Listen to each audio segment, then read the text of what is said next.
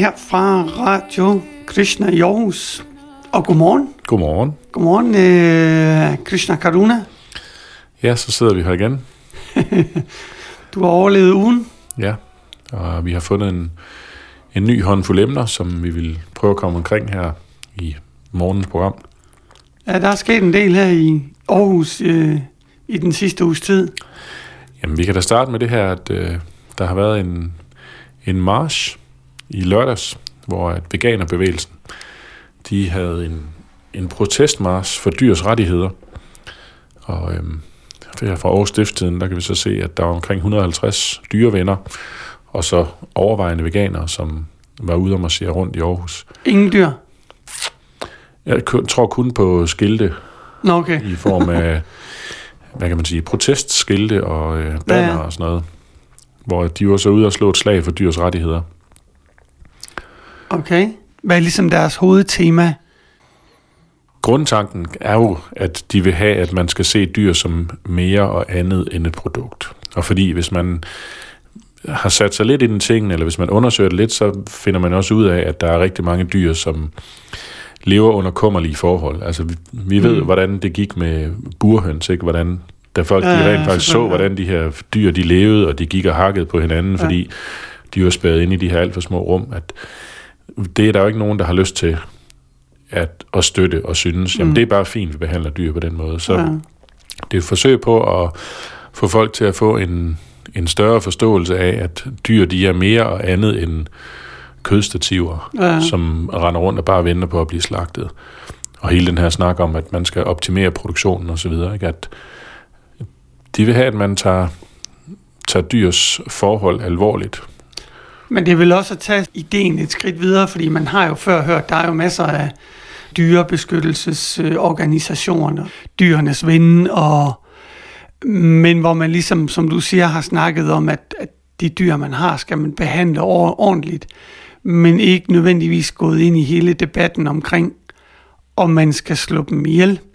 Fordi det er vel der, hvor øh, veganerbevægelsen skiller sig ud, hvor de ligesom siger, okay, det er ikke bare et spørgsmål om, at vi behandler dyrene godt, mens de lever, og så på et eller andet tidspunkt slår vi dem ihjel, men at vi også afholder os fra at, at, at slå dem ihjel, og så spise dem bagefter.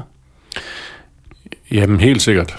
Altså, man kan sige, at der er mange veganere, som er øh, mere oppe på barrikaderne. Mm. Altså, de har jo også, man kan sige, hvis man er vegetar, så er der jo nogen ting fra dyr, som du vil spise. Altså, jeg lever selv som vegetar, vi lever som vegetar, mm, ikke? og vi ja. øh, mælkeprodukter og øh, Honningen og... så videre, det, kan ja. Vi jo, det, er jo, det er jo ting, som vi godt vil, vil bruge i vores madlavning. Mm-hmm, mm, Men det er selvfølgelig også, det adskiller sig jo også på den måde, at vi, vi i kristnerbevægelsen, vi følger jo ligesom Kristners anvisninger. Og han, han, altså, der er så mange beskrivelser af, hvordan han øh, drikker mælk, og der er forskellige ting, som er lavet af mælk, som kristne han spiser. mm, Det er selvfølgelig også en, en sammenhæng, hvor de dyr, som de køer og kalve og så videre, som, som var på den tid, de blev beskyttet. Dem blev der, så, dem blev der jo taget så rigtig godt af.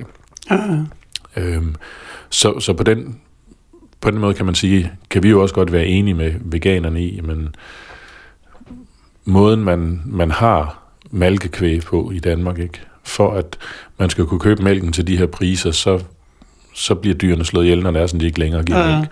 Det er jo ikke noget med, at de får lov til at udleve deres naturlige liv. Og det er selvfølgelig heller ikke noget, som, altså, det går vi jo ikke ind for, at man, at man så bare skal slå dem ihjel, når de ikke giver mælk. Nej. Men det er, jo, ja, det er jo også netop det der med, at, at man selv mange, som er vegetarer, som for eksempel spiser mælkeprodukter, som for eksempel vi gør, der har man jo også, det kan jeg i hvert fald mærke på mig selv, og også mange af dem, som, som, som jeg kender, at selvom de som udgangspunkt ikke har noget imod at drikke mælk eller spise mælkeprodukter, så vil de jo selvfølgelig her allerhelst have det sådan, at de kan få det, man kalder ahimsa-produkter, altså ikke voldelige produkter, hvor dyrene bliver beskyttet. Så spørgsmålet er selvfølgelig også, det kunne jo være interessant at, at, at høre fra, fra veganerbevægelsen, hvordan de ville have det, hvis den mælk, som man så i så fald skulle indtage, om den så, hvis den kom fra beskyttede dyr, om det så stadigvæk vil, ville være et problem for dem. Altså, det, det, det vil jeg udenbart gætte på, at det ikke vil være. Men okay. selvfølgelig, der er også hele den her diskussion med, hvor sundt er mælk. Altså, der, ja, okay, der er nogen, som går ind ja. og siger, at det kan give dig forskellige mm-hmm. øh, problemer. Ikke? Ja. Altså nu, der, vi har jo et tempel i København, og de har en ordning med en landmand øh, i Sverige, i Malmø, ikke? Som, rigtigt, ja. som har kørt. Og det er jo mælk, som er for beskyttet dyr, men det koster så også 50 kroner literen. Og det er jo, altså... der er ikke ret mange børnefamilier, der kan, det er jo der der, kan holde det oppe. Nej, det er jo derfor, at, at kan man sige, der er, mm. der er jo ikke et stort marked for at, at betale så meget for produktet, som det, som det jo koster, hvis det er sådan, du ligesom skal, skal behandle ja, dyrene. Ja, gode produkter, de er dyre. Altså, du, der, du får ikke noget, der er billigt og, og, og godt samtidig. Det er i hvert fald svært at finde, få den kombination. Altså, jeg vil jo så sige, at, at for, for os, der er forskellen jo også, at når vi tilbereder et eller andet, så formålet for os, det er jo, at vi, vi glæder Krishna. Og så når man laver et måltid, og så laver du en mm. offring, hvor du tilbyder det til Krishna og siger, værsgo kære Krishna, modtage den offring. Og så får han lov til at spise det, man har lavet. Og så efterfølgende, så spiser vi det selv. Og det, som der sker i den proces, det er, at den karma, det som, den lidelse, de forskellige ting, som er forbundet med, med de her øh, produkter, som man bruger, dem fjerner Krishna. Han har så også nogle krav til, hvad kan man ofre til ham. Så det er derfor, vi ikke mm. spiser kød. Ikke? Fordi, ja, ja. Men det vil sige, at hvis det er sådan, du tager noget mælk fra en ko, og du så laver et eller andet, du bruger det i madlavningen, og du så laver en offring til Krishna. Vores forståelse, det er, så for konen, så får den gavn af, at den offring bliver lavet til Krishna, fordi den har produceret mælken, som bliver brugt i offringen til Krishna. Mm. Men konen kan ikke selv ofre sin mælk til Krishna. Så på den måde, så får konen, man kan sige, at man hjælper konen ved at lave en offring af dens mælk mm. til Krishna. Og det, det synes jeg jo er sådan den, den store forskel på, om at vi, at vi bruger mælk, eller at vi vælger at sige, at vi bruger ikke mælk. Fordi jeg, min forståelse er, at konen den har større glæde af, at dens mælk bliver offret til Krishna, og den på den måde bliver forbundet med ham, og mm. den så får åndelig gavn, end at, end at man bare vælger ikke at, at bruge mælken. Ja, ja. nu skal vi lige også lige sige til, uh, til, til lytterne, at når, når der bliver sagt uh, Krishna her i radioen, så hentyder vi til, til, uh, til Gud. Det er et navn, som øh, Gud har i de vediske skrifter, som betyder, at han er den alt tiltrækkende.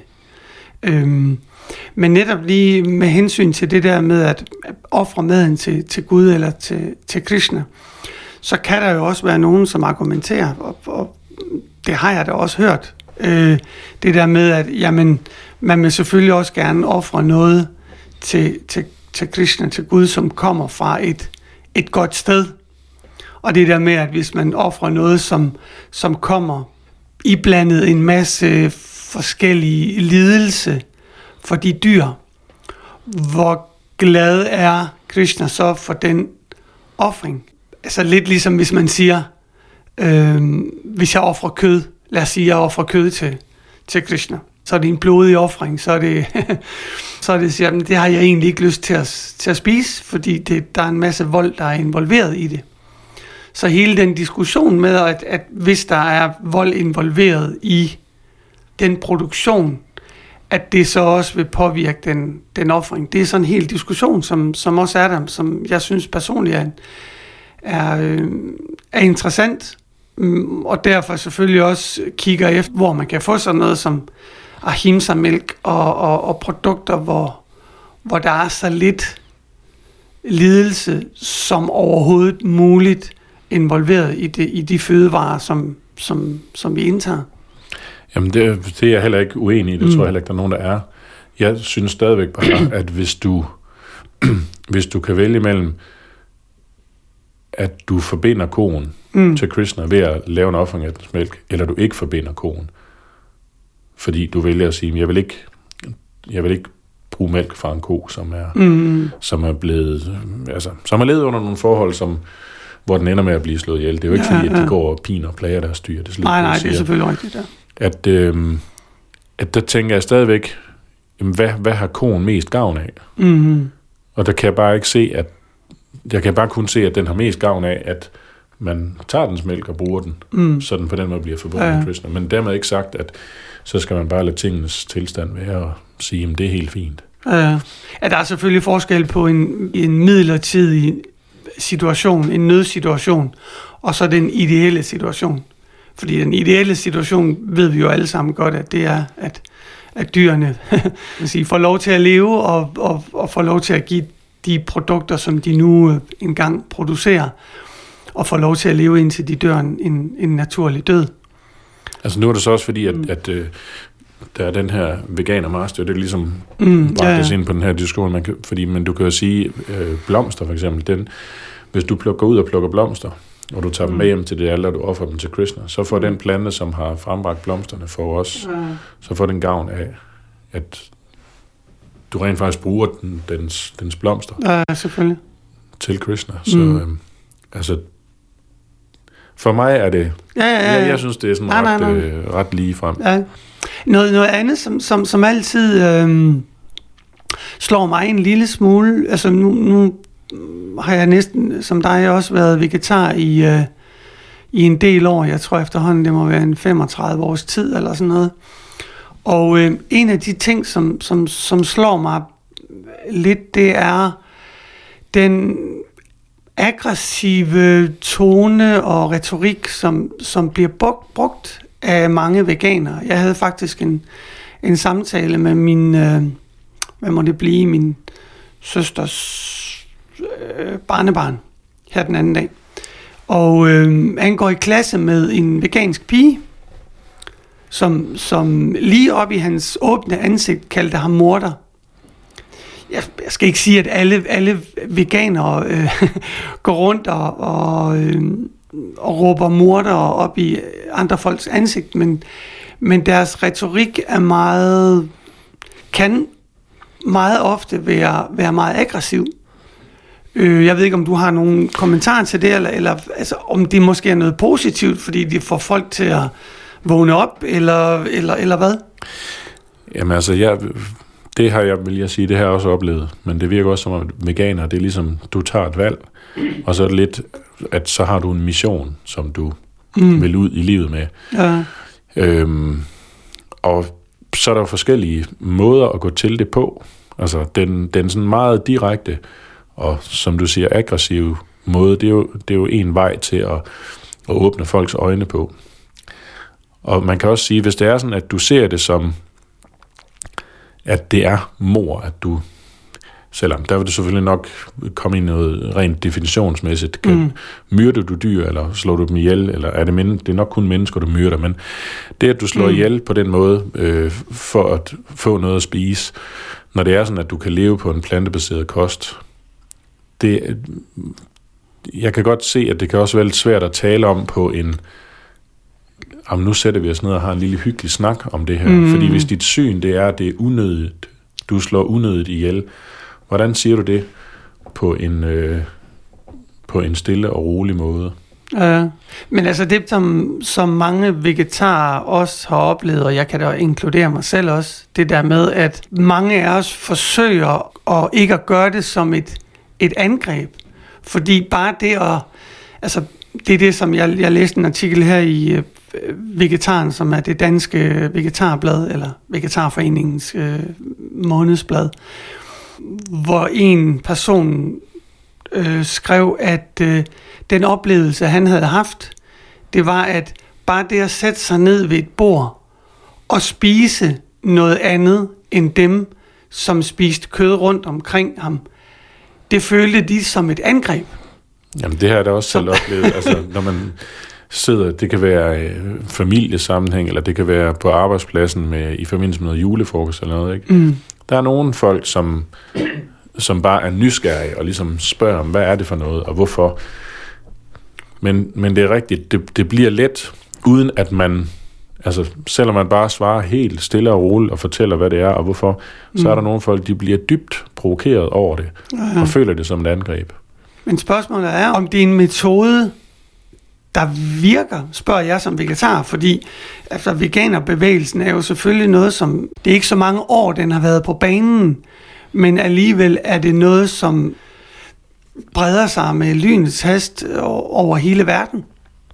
Så, så om det er noget positivt, jeg, jeg spørger bare åbent, altså det kan jo godt være, det... Jamen jeg tror, jeg tror det er forskelligt mm. fra person til person, hvad man...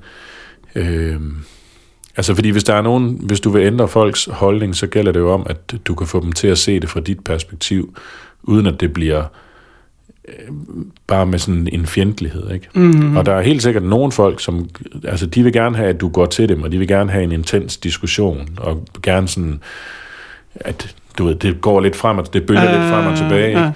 Så jeg tror sagtens, at der er masser af folk, du vil kunne nå på den måde, men der er også, jeg tror også, der er mange, som ikke tager det til sig, og som du ikke får til at lytte mere ved at, at have den retorik, altså mm. som, som, ja. som ligesom det lukker ørerne på dem, og de vil distancere sig fra det. Ja.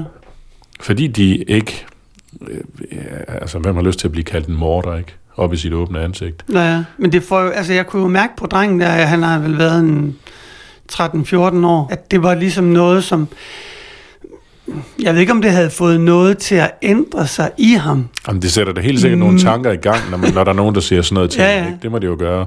Altså, der er en grund til, at han fortalte det til mig. Nu ved han selvfølgelig også godt, at jeg er vegetar, ikke? Men, men, men der er en grund til, at han, han fortalte det til mig. Det ligesom mm. havde gjort et dybt indtryk på ham, at øh, der var nogen, der faktisk gik rundt og kaldte mig en mo, eller ikke, jeg ved ikke, om det var personligt mod ham, men, men at han ligesom følte, at når, øh, der er nogen, der tror, eller der mener, at jeg er en morder. Det var i hvert fald, øh, havde gjort et stort indtryk på, øh, på vedkommende. Altså, som vegetar, min personlige holdning har jo altid været den der med, at, at jeg tror, den, den bedste måde at overbevise et andet menneske på, det er ved et godt eksempel. Det er, at du, du lever som vegetar efter nogle principper, og så viser du med dit sunde liv, at det virker. Ja uden at nødvendigvis gå og, og angribe andre folk. Et lille teknisk uh, problem her. Der gik lige uh, koks i uh, teknikken her, men det var... det må I meget undskyld. Men, uh... Jamen, det er også det, det, det, jeg mener, når det er sådan, jeg siger, at jeg tror, det er forskelligt. Fordi der er nogen, mm. for hvem de vil tage det her til sig, og de vil tænke over det, og de vil uh, genoverveje, jamen er det rigtigt, det jeg gør? Ved at få sådan mm. nogle ting at vide. Ikke? Og andre, de vil ligesom, hvad er det for nogle skøre fanatikere, ikke? Altså, ja. som, hvor du, øh, altså det mere bliver deres en irritation og en vrede. Ja. Men altså, vi lever også, vi, jeg tror også, det danske samfund, det er jo også meget, at du skal jo sådan have lov til at, at være den, du er, og gøre det, du vil, mm. så længe det ikke skader andre. Og så er det jo så definitionen her. Hvad er forskellen på mennesker og dyr? Mm. Har, vi, har vi ret mm. til at behandle dyr, som vi vil, fordi de er dyr? Hvad er, ja. hvad er forskellen på mennesker og dyr? Og altså, vi har jo inden for kristnebevægelsen den klare forståelse, at det er kroppen, der er forskellen. Vi har en menneskekrop, og dyrene har en dyrekrop, men hvem vi er som person, er ikke forskellige altså sjælen, er den samme øh, størrelse, kan man sige, så er det indpakningen, som er mm. forskellig. Mm. Ja. Og, og øh, det, som så er forskellen, kan man sige, er, at som menneske, så har vi en, vi har en højere intelligens. Vi kan stille os nogle spørgsmål, som man ikke kan som dyr. Dyrene, de er ligesom, de er mere begrænsede i deres udfoldelsesmuligheder, og, og også rent, kan man sige, mentalt og filosofisk. Det bliver ikke sådan nogle dybe spørgsmål med, hvad er meningen med livet? Findes der en Gud? Hvad sker der, når vi mm. dør? Det er ikke sådan nogle ting, dyrene de er optaget af. Det er mere de basale ting med at overleve. Mm. Sove, spise, spare sig og forsvare sig. Ja. Spørgsmålet om den forståelse findes blandt øh, de fleste veganere, altså den, den åndelige, den spirituelle dimension på det. Det der med at se at det levende væsen findes i forskellige kroppe. Altså, hvis du er veganer, det behøver jo ikke at være noget åndeligt. overhovedet. Nej, det er rigtigt. Altså, det er jo ikke... Øh, Man er vel til en vis grænse nødt til at anerkende, at dyrene er levende væsener. jo, Altså- men, men det er jo også, fordi der har tidligere, så har der været sådan en meget primitiv, kan man sige, og også til tider rigtig arrogant forståelse af, hvad er et dyr, ikke? Mm. At de jo nærmest ingen bevidsthed har, og det er ren og skær instinkt, og det er jo ikke sådan, at de tænker eller føler noget, de løber bare rundt og gør en hel masse ting, ikke? Men, men hvis man har en lille smule indlevelsesevne, og hvis man, hvis man er en lille smule jagttagen, så kan du se, altså jeg kan da huske, du ved, du kan se hunde nogle gange, når de ligger og sover, ikke? så kan du se, de ligger og drømmer, fordi de, øh, du ved, de bevæger lidt, der kommer lidt lyde fra dem, de ligger og bevæger sig lidt, ikke? Mm. Og det er jo tydeligvis fordi, vil jeg sige, Ja, ja, ja. den, den drømmer, der sker et eller andet i dens bevidsthed, selvom Mm. den ligger der og sover, ikke? Ja, Altså, så det er jo det her med at acceptere og erkende, jamen dyr, de har følelser, de har, altså, og det er, jo, det er jo så Mm. igen, hvordan behandler du dyrene, når det er sådan, at, øh, at kalven, den så lige er blevet født, du så med det samme fjerner den fra, fra koen, der har født den, ikke? Altså, at, at tro, at, at koen ikke har nogen følelser for sin nyfødte kalv, og at kalven ikke også ligesom ja. Ja, altså det, det er jo det, det er sådan en... Mm. Jeg synes i hvert fald, det, det virker meget simplificeret og, og primitivt. Men det er jo også en måde at skærme sig Mm. selv fra, hvis du så skal gøre nogle ting ved de Hvad her virker s- simplificeret at, at sige, at de ikke har følelser? De eller har ikke nogen følelser. Ja, ja, okay. altså, ikke, Ja. og, og, men det er jo selvfølgelig igen, hvis, jo mere du kan reducere nogen, som du gør noget ved, jo lettere er det at gøre noget ved dem. Fordi hvis du anerkender dem, den, de har følelser, Mm. så er det klart, så er det sværere Ja. at lave den adskillelse, for eksempel fra ko, mellem ko og kalv. Ja, selvfølgelig. Men, men det er en form for bevidsthedsgørelse. Og det, det synes jeg er det interessante i hele det her, at øh, også øh, Sheila Prabhupada, grundlæggeren af, af Krishna-bevægelsen og, og, og en meget anerkendt øh, filosof, han sagde jo også, at først så bliver man bevidst, så bliver man gudsbevidst.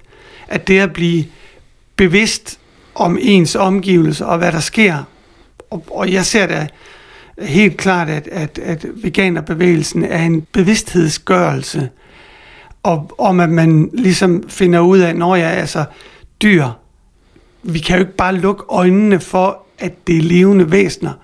Om der så er den spirituelle, åndelige dimension på, kan man så sige, det er der måske for nogen. Jamen det tror jeg også, det, det er individuelt. Men jeg synes da også, det er positivt. Altså helt sikkert, fordi altså vi kan jo tage, Jesus han siger, at man skal behandle andre, som man gerne selv vil behandles. Mm, Og det tager folk jo oftest i en sammenhæng, som at det er kun mellem mennesker. Men hvorfor skal det stoppe der? øh, Hvorfor skulle man ikke også behandle andre levende væsener end mennesker, som man gerne selv vil behandles? ja, Mm. Men jeg synes, det er interessant, at jeg tænker, at det er der, øh, det er der næste skridt. Vi skal jo ikke så langt tilbage. Altså, du kan se de vestindiske øer, ikke?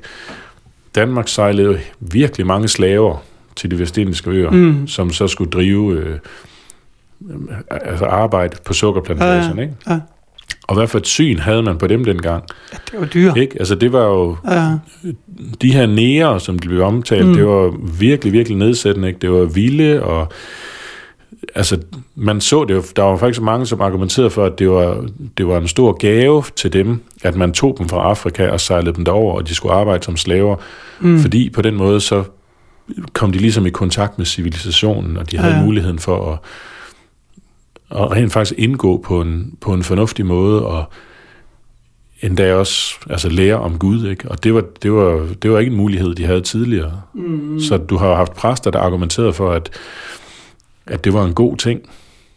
Ikke? mm, ja. Og det er mennesker. Der kan man sige, det har jo så, det har jo så rykket sig. Det er jo ikke, det er jo ikke der, vi er nu om Nej, dagen. nej, nej. Selvom der selvfølgelig stadigvæk er slaveri rundt omkring i verden. Ja, Men det her med så at tage den, nu kan man sige, nu kan man så tage den måske et skridt videre, og så få en forståelse af dyrene, hvordan, hvordan skal man behandle Ja. dyrene, hvad er passende. Ja, fordi før der gjorde man jo det, at man gjorde mennesker til dyr. Altså behandlede mennesker som dyr. Ja. Øh, og det så man jo også under, under, under Nazi-Tyskland, hvor man ligesom øh, skabte en, en, en debat og en retorik omkring øh, alle jøderne, at det var rotter og det var skadedyr, og derfor kunne man behandle dem som dyr. Og eftersom man behandlede dyr som, som ikke følende levende væsener, som fortjente ens respekt og en ordentlig behandling.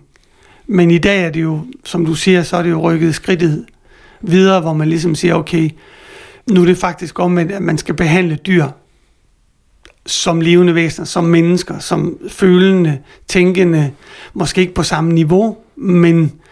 Eller man kan sige, det her blandt andet med veganerbevægelsen, det er da, det er da et skridt i den retning. Ja, det er helt sikkert, helt sikkert. Så. Altså, dermed selvfølgelig heller ikke sagt, at nu er der ingen racisme i verden og så videre. Det er slet ikke, øh, mm. slet ikke der, jeg vil hen med det. Men, men, men der er der kommet et andet syn, vil jeg sige. Ja, ja. Jeg synes i hvert fald, det er rigtig interessant, øh, hele diskussionen, og også, at der kommer så meget bevidsthed omkring det. At der så selvfølgelig også er nogen, som, som angriber en, fordi man, man, man drikker et glas varm mælk en gang imellem. Det, det er så en, en, en sideeffekt, som, som man så må leve med. men men, men øh, det, at der er så mange, øh, som er blevet bevidste om det, giver da en... en øh, jeg synes, det er skønt. Som... Men, men altså, det har også at gøre med en, en distancering, kan man sige, fra de processer, som der foregår i forbindelse med landbruget. Ikke? Fordi mm. Altså det er også nævnt her i med, at hvis det var i artiklen her, at hvis det nu var hunde og katte, som folk ville, ville slå ihjel spise, ja. så ville der blive en masse ballade. Ikke? Så det kan man se, det er også kulturelt betinget, fordi altså i Kina, der spiser du hunde, ikke? Mm. Vi spiser køer her, hvis du så til Indien, der er koen hellig, altså, så hinduer vil jo ikke slå en ko ihjel og Nej. spise den. Vel, Men til gengæld at være hund i Indien, det er altså ikke sjovt. Nej. Og du kan også se her, vi har du ved, forskellige kæledyr, ikke? Øh, mm. kaniner for eksempel. Ikke? Ja. Og hvem kunne finde på at, øh, at slå deres kanin ihjel og flå den og mm. spise den? Det gør de i Peru. Ja, ja, men, men og mm. igen, så det, altså jeg kan da også min farfar, han havde da, han havde da kaniner mm. i sin baghave, og det var da ikke, fordi han havde kæledyr. Altså det var, de blev da opdrettet. Det var mad. For at blive spist, ikke? Altså, mm. Altså, så det er jo også meget kulturelt betinget. Hvor befinder man sig hen ja. i verden, og hvad for et syn har man på, på de andre levende væsener. Ja, lige præcis. De medskabninger, der er her sammen at, med os. Ja, ja, det er rigtigt. At nogen ligesom er kvalificeret, og andre ikke er, selvom det egentlig er det samme, man snakker om.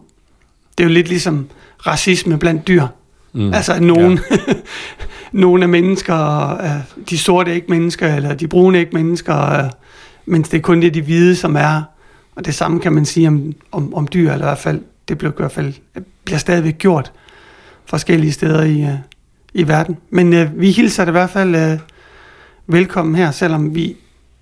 Jeg var i hvert fald ikke med til, til Marshall. Var du med? Nej, det var jeg heller ikke. Det, jeg var ikke engang klar over i, i lørdags, må jeg indrømme, at, øh, at Marshall den foregik. Så. Og jeg har, jeg har fulgt øh, debatten lidt i, øh, på Facebook med øh, inde på vegansk Aarhus, eller veganer i Aarhus, tror jeg den hedder. Og der var også en, der var en lidt, lidt morsom anekdote, fordi der var en veganer, som, som spurgte ind til Facebook-gruppen omkring, om det var, øhm, hun eller han havde en veninde, som gerne ville deltage, men som ikke var veganer. Og spurgte, om det så var okay, at vedkommende kom med, og der var sådan en diskussion frem og tilbage, og jeg tror, de endte med, at, at vedkommende godt måtte komme med, og det, det synes jeg også var fint, fordi det... altså hvis man skal være fuld, fuldgyldigt medlem for, at man kan deltage, så er det jo også voldsomt begrænsende. Så. Ja, der var nok ikke, ikke så mange, som, øh, som ville troppe op der.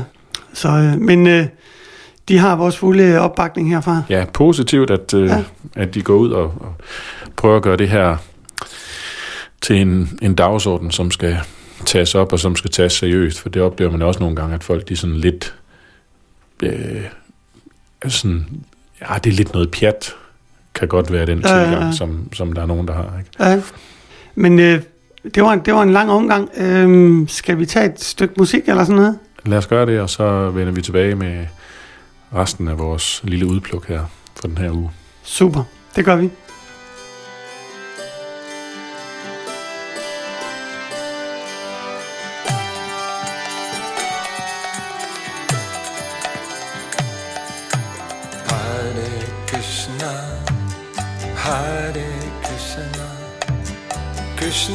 Krishna hari hari Hare Rama Hare Rama Rama Rama Hare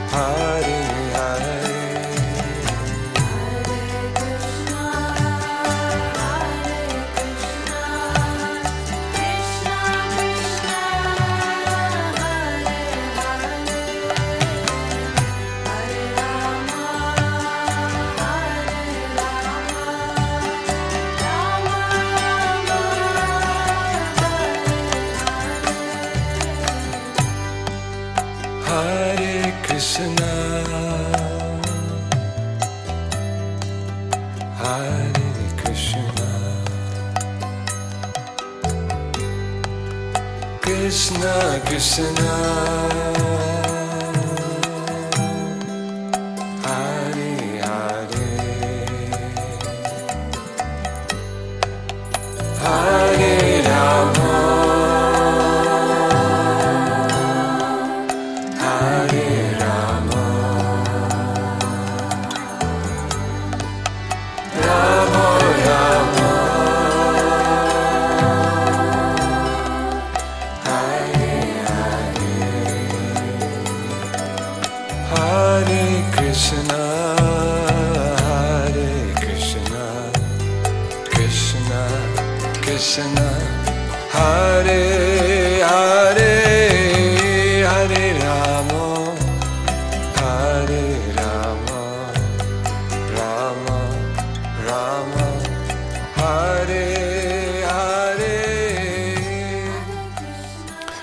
Ja, men øh, velkommen tilbage her.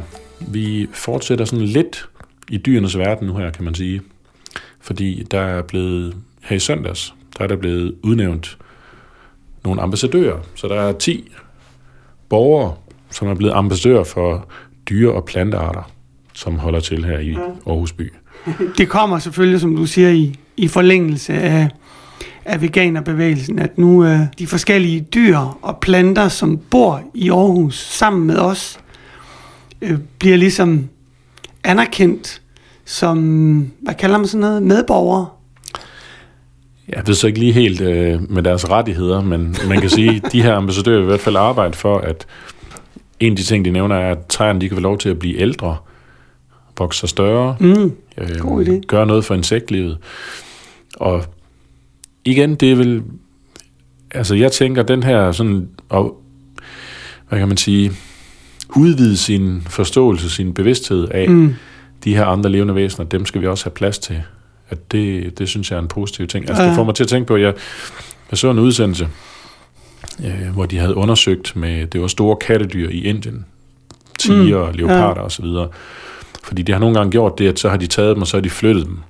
Og det skaber en masse ravage, fordi de her kattedyr, de har jo territorier, som de lever på. Ah, Så når du så tager en et sted og dumper den Mm. anden sted, så smider du den lige, ned- lige ned i en andens territorie. Oh, ja. Øhm, men, men så viste de også, at der var nogle steder i Indien, hvor folk de levede i jamen, samhørighed med de her. Mm. Og, og altså, jeg kan huske, der var de her film med infrarødt kamera, der, var en, der lå en af de her store katte, sådan tre meter fra en sti, hvor den havde et bytte, den havde nedlagt. Mm. Og så kommer der sådan på en, der går, der går og snakker sammen.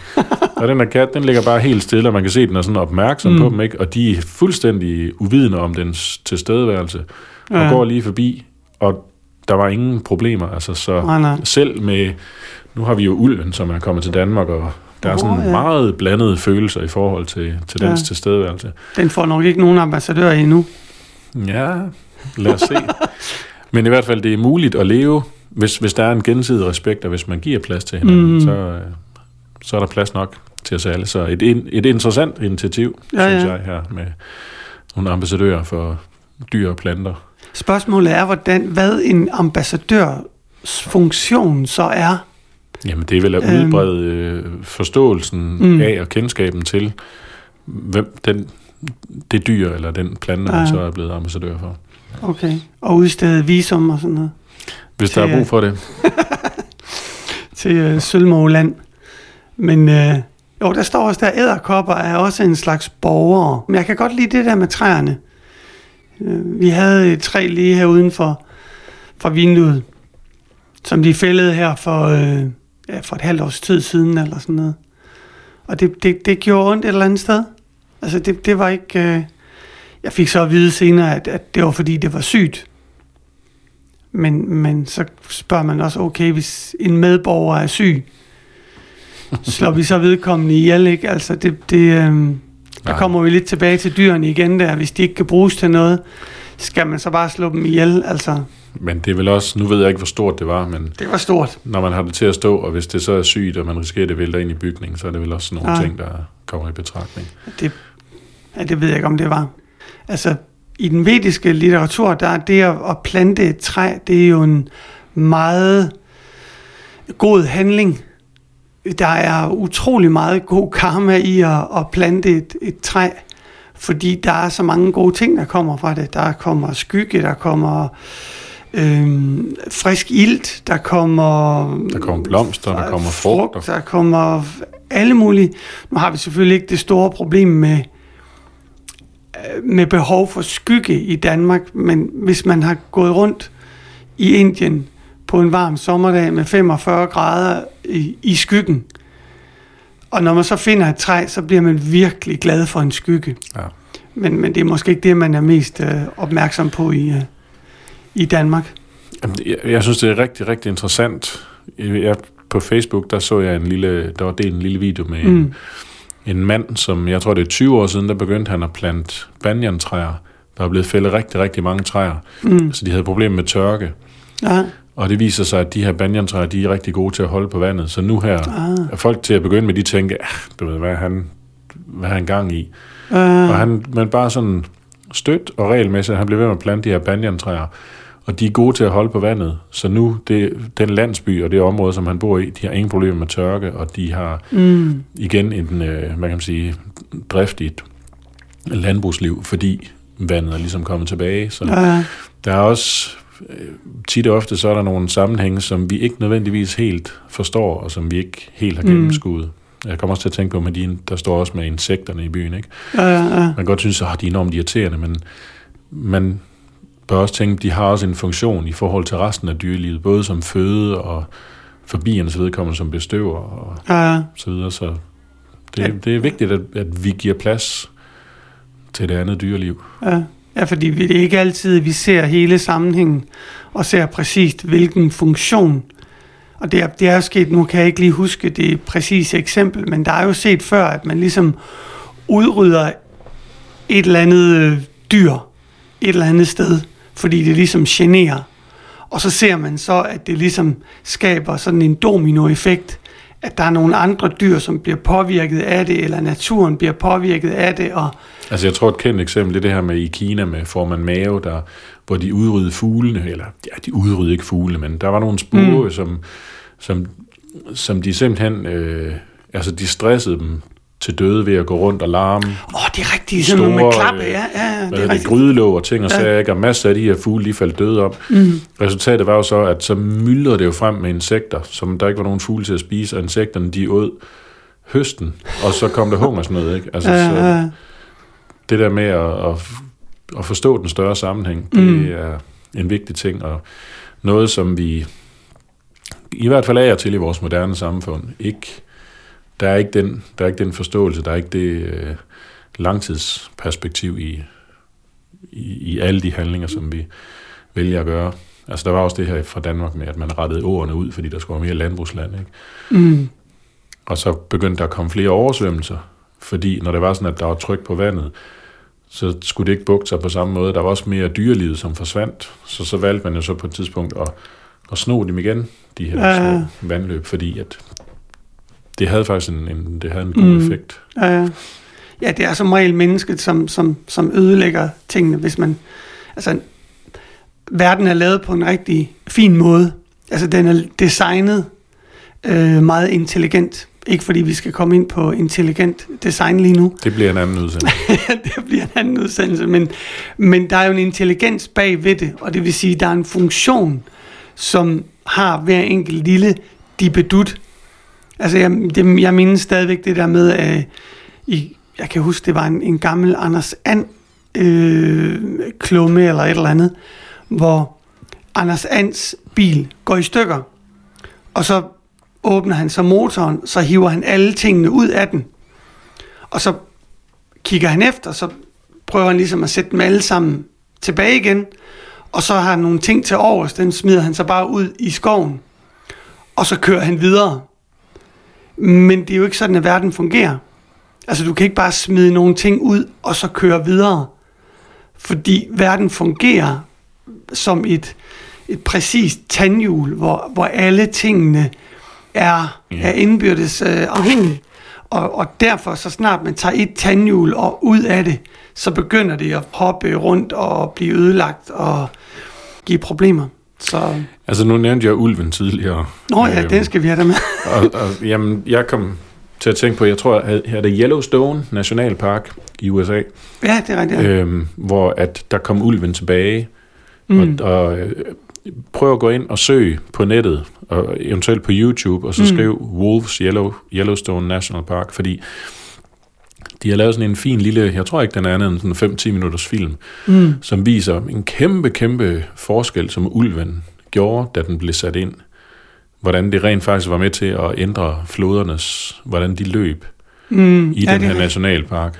Fordi ulven, den begynder at gå efter nogle byttedyr, som så lader være med at spise noget vegetation nogle steder. Altså, det, det har en, det er en, en kæmpe Ah. stor påvirkning og indvirkning, som et enkelt dyr kan have, som man ikke nødvendigvis forstår, eller Ja, og tit, tit ofte heller, heller ikke engang kigger efter, ikke? Ja, ja. ja, fordi umiddelbart ville det jo heller ikke give mening, at, at der kommer en 20 ulve ud i et område, og så begynder floderne at, at, at bugte sig på en, på en anderledes måde. Nej, hvem, Jeg- hvem havde forestillet sig Ja, det? lige præcis. Altså, det, det tænker man jo, det lyder jo helt vanvittigt. Ja, Men øh, jeg kan huske, at jeg læste det nemlig også, og, og, og det var faktisk meget øjenåbende. Så præcis hvilket, øh, hvilken måde sølvmågen og muldvarpen og så videre påvirker Aarhus på, det skal vi ikke kunne sige, men Nej. det er i hvert fald vigtigt, at vi også giver lidt plads til. Eller om vi måske har ulve til at gå rundt ned på øh, Park Allé her om, om nogle år. Jeg, jeg tror, de er for sky. Det er nok nærmere en rev, du kan, du kan få se Ja, ja, i byen. Sammen med ambassadøren. Som Måske. hånd i hånd. Nok, yes. Nå, men vi, øh, vi snupper et lille, øh, lille hurtigt stykke øh, musik, og så vender vi tilbage med sidste afdeling.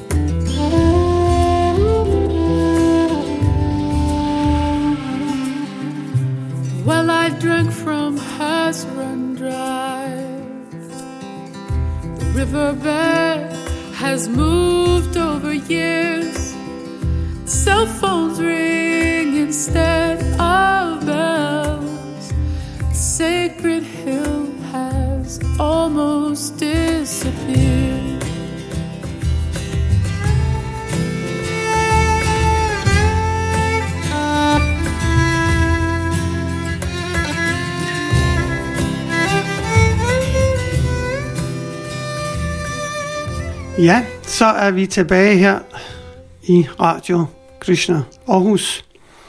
Og øh, vi har en enkelt lille ting på programmet mere omkring dårlig samvittighed.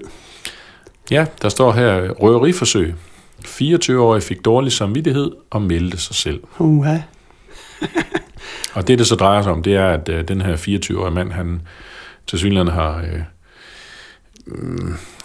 henvendt sig til, det er måske en pæn måde at sige det på, en, Ja, ja, det en, en buschauffør, en 53-årig kvindelig buschauffør, og øh, ligesom prøvede at true hende til, at, at hun, skulle, hun skulle aflevere sine penge til ham. Ja, Og det, det så resulterede i, det var, at hun smed ham af bussen. Så det var et mislykket okay. røveriforsøg, kan man sige. ja. Og så det interessante, det er jo, at, at han ligesom gik og tænkte over det bagefter.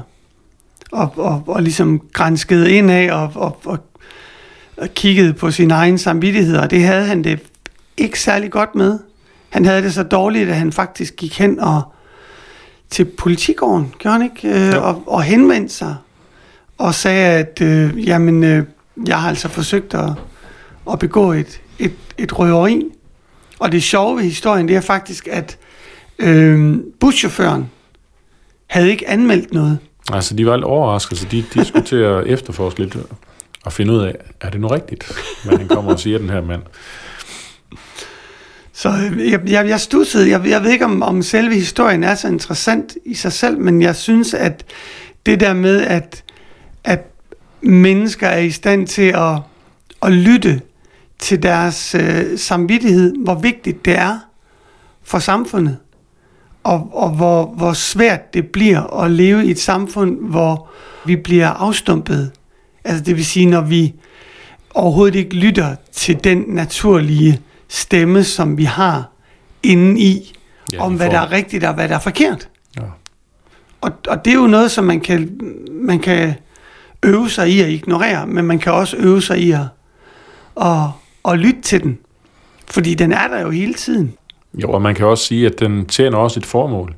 Ligesom øh, hvis man sætter hånden på en varm kogeplade, så fjerner mm. Man hånden, fordi man brænder sig. Mm. Så, så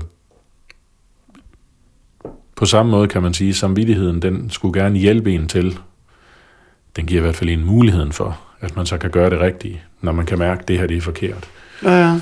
Øhm, Ja, det er sjovt, fordi for, for, nu har vi snakket om, om at blive øh, bevidst, men det er sjovt, fordi på, på spansk, jeg tror faktisk også på engelsk, der hedder samvittighed, consciencia, conscience.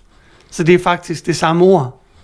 Det er det der med, at man er bevidst om, at, at, at, at hvad der er rigtigt og hvad der er forkert, og hvad, altså, at man er opmærksom på, hvad der sker, både udad til, og i det her tilfælde indad til, som er jo lige så vigtigt som at, at lægge mærke til, om dyr de har det godt, eller om man behandler folk ordentligt, men om man egentlig har det godt med sig selv, og så reagerer på det. Fordi en ting er, at man har dårlig samvittighed. Noget andet, det er, at man gør noget ved det, det. er, det er at handle på det, ja. Fordi det, det ser man jo også tit, at øh, man kan godt bide den i sig og sige, ej, det, det, det, det er simpelthen for meget. Jeg, jeg går ikke ned til politiet og melder mig selv. Jeg, jeg lider i stillhed, og eller, eller prøver måske at, at drukne den med et eller andet. Gå ud og drikke mig fuld, eller, eller få et eller andet til at få den til at, at, at, dul, at blive dulmet. Men, øh, men nu er han, nu er han, han blev sigtet. ja. Så det kan jo godt få, øh, øh, at det kommer til at få konsekvenser. Ja, ja. Men må ikke også, når det er sådan, at retshandlingen den så kommer til at løbe af staben, at det, at han er kommet selv og har meldt sig, det vil være en formidlende omstændighed. Ja, jeg, jeg, jeg tror i hvert fald, det er, det er til hans, ikke bare hans bevidsthed har det bedre, men også for selve retsforløbet, er det selvfølgelig, at dommeren vil også se på det med helt andre øjne. Ja, når det er sådan, at du angrer den handling, du har gjort. I stedet for, at man stikker af, eller som jo mange gange sker, at øh, flugtbilister, eller hvad man ellers ser, at folk de gør et eller andet, Ja. selvom det måske ikke var med vilje. Altså sådan noget som en flugtbilist for eksempel. Det kan godt være, at man har kørt nogen over med vilje, men derfor stikker man af. Ja, i panik. Ja, lige præcis. Og så har man selvfølgelig dårlig samvittighed bagefter, men er måske bange for de konsekvenser. Så spørgsmålet er, hvad der er værst. At leve med dårlig samvittighed, eller at tage konsekvenserne, og så få en god samvittighed. Altså nu har vi jo også en forståelse af, at du kan ikke løbe fra dine konsekvenser. De kommer til Mm. at indhente dig. Altså Det er i, i form af, af, af karmaloven. Så vores syn er jo, at det du giver ud, det kommer tilbage til dig. Så, Mm. øhm, og det er ikke sådan et, et regnestykke, som udligner sådan at ligesom plus og minus. Det er ligesom to separate konti, kan man sige. Så hvis det mm. er Mm. sådan, at du gør noget, hvis du gør noget dårligt mod andre, så kommer der noget dårligt tilbage til dig. Du kan ikke, du kan ikke bare modvirke det ved, at, at du så gør noget godt. Mm, Mm. mm. Fordi at du gør noget godt for nogle andre, be- betyder, at så får du noget godt igen. Øh, Så, øhm, men derfor er det selvfølgelig stadigvæk svært. Altid at gøre det rigtige. ja, ja. Og altid at lytte til sin samvittighed, og Mm. altid sluge sin stolthed. Det kan også være, altså, nu det her, det er et røveri, men det kunne også være, hvad ved jeg, et skænderi, man var kommet i, hvor du får Ja, sagt ja. nogle ting, eller ja. du på en eller anden måde overtrumfer nogen, hvor du så efterfølgende kan se, ah, det var ikke helt i orden det her. Mm. Men er man så også god nok til at gå hen og sige til vedkommende, undskyld, eller det er faktisk ked af. Jeg synes, ikke, Ja, jeg synes ja. egentlig, det var forkert, det jeg gjorde. Mm. Det kan jo være også, det kan også være, jeg ved ikke, om man kan sige helt ned, men det kan også være i, i det format, at noget skete. Ja, og man skal heller ikke, jeg tror heller ikke, man skal undervurdere øhm, effekten af en god samvittighed. Jeg kan i hvert fald huske i, i Bhagavad Gita, som er en af de, de oprindelige skrifter fra, fra Indien, som vi også øh, jævnligt øh, læser i og studerer. Der står der, at man kan ikke være glad, uden at sindet er fredfyldt. Altså der, er ikke, der kan ikke være glæde, man kan ikke have glæde i livet, medmindre sindet er fredfyldt. Så en dårlig samvittighed vil da helt sikkert gå ind og påvirke ens mentale stabilitet, og derfor er der meget stor sandsynlighed for, at ens, ens glæde den også ryger. Ja. Selvom man måske slipper for den umiddelbare straf, så bliver det bare en, en meget lang en, og en meget øh, udpinende en af slagsen. Så, øh, så vi, øh, vi siger øh, godt gået til den 24-årige øh, Aarhusianer. Det vil vi meget gerne se, se mere af herfra. Og så, øh, så kan vi vel sige, at vi runder af her i dag med en opfordring til, at, at vi alle sammen lytter til vores samvittighed og Ja. handler i overensstemmelse med den. Ja, lyt til Radio Krishna, og lyt til jeres bevidsthed. Og, Lyt til jeres samvittighed. Ja, det er rigtigt. Ja. Og, og ikke kun, når, når vi sender. Det må I gerne gøre 24 timer i døgnet. Men øh, jo, vi siger øh, tak herfra.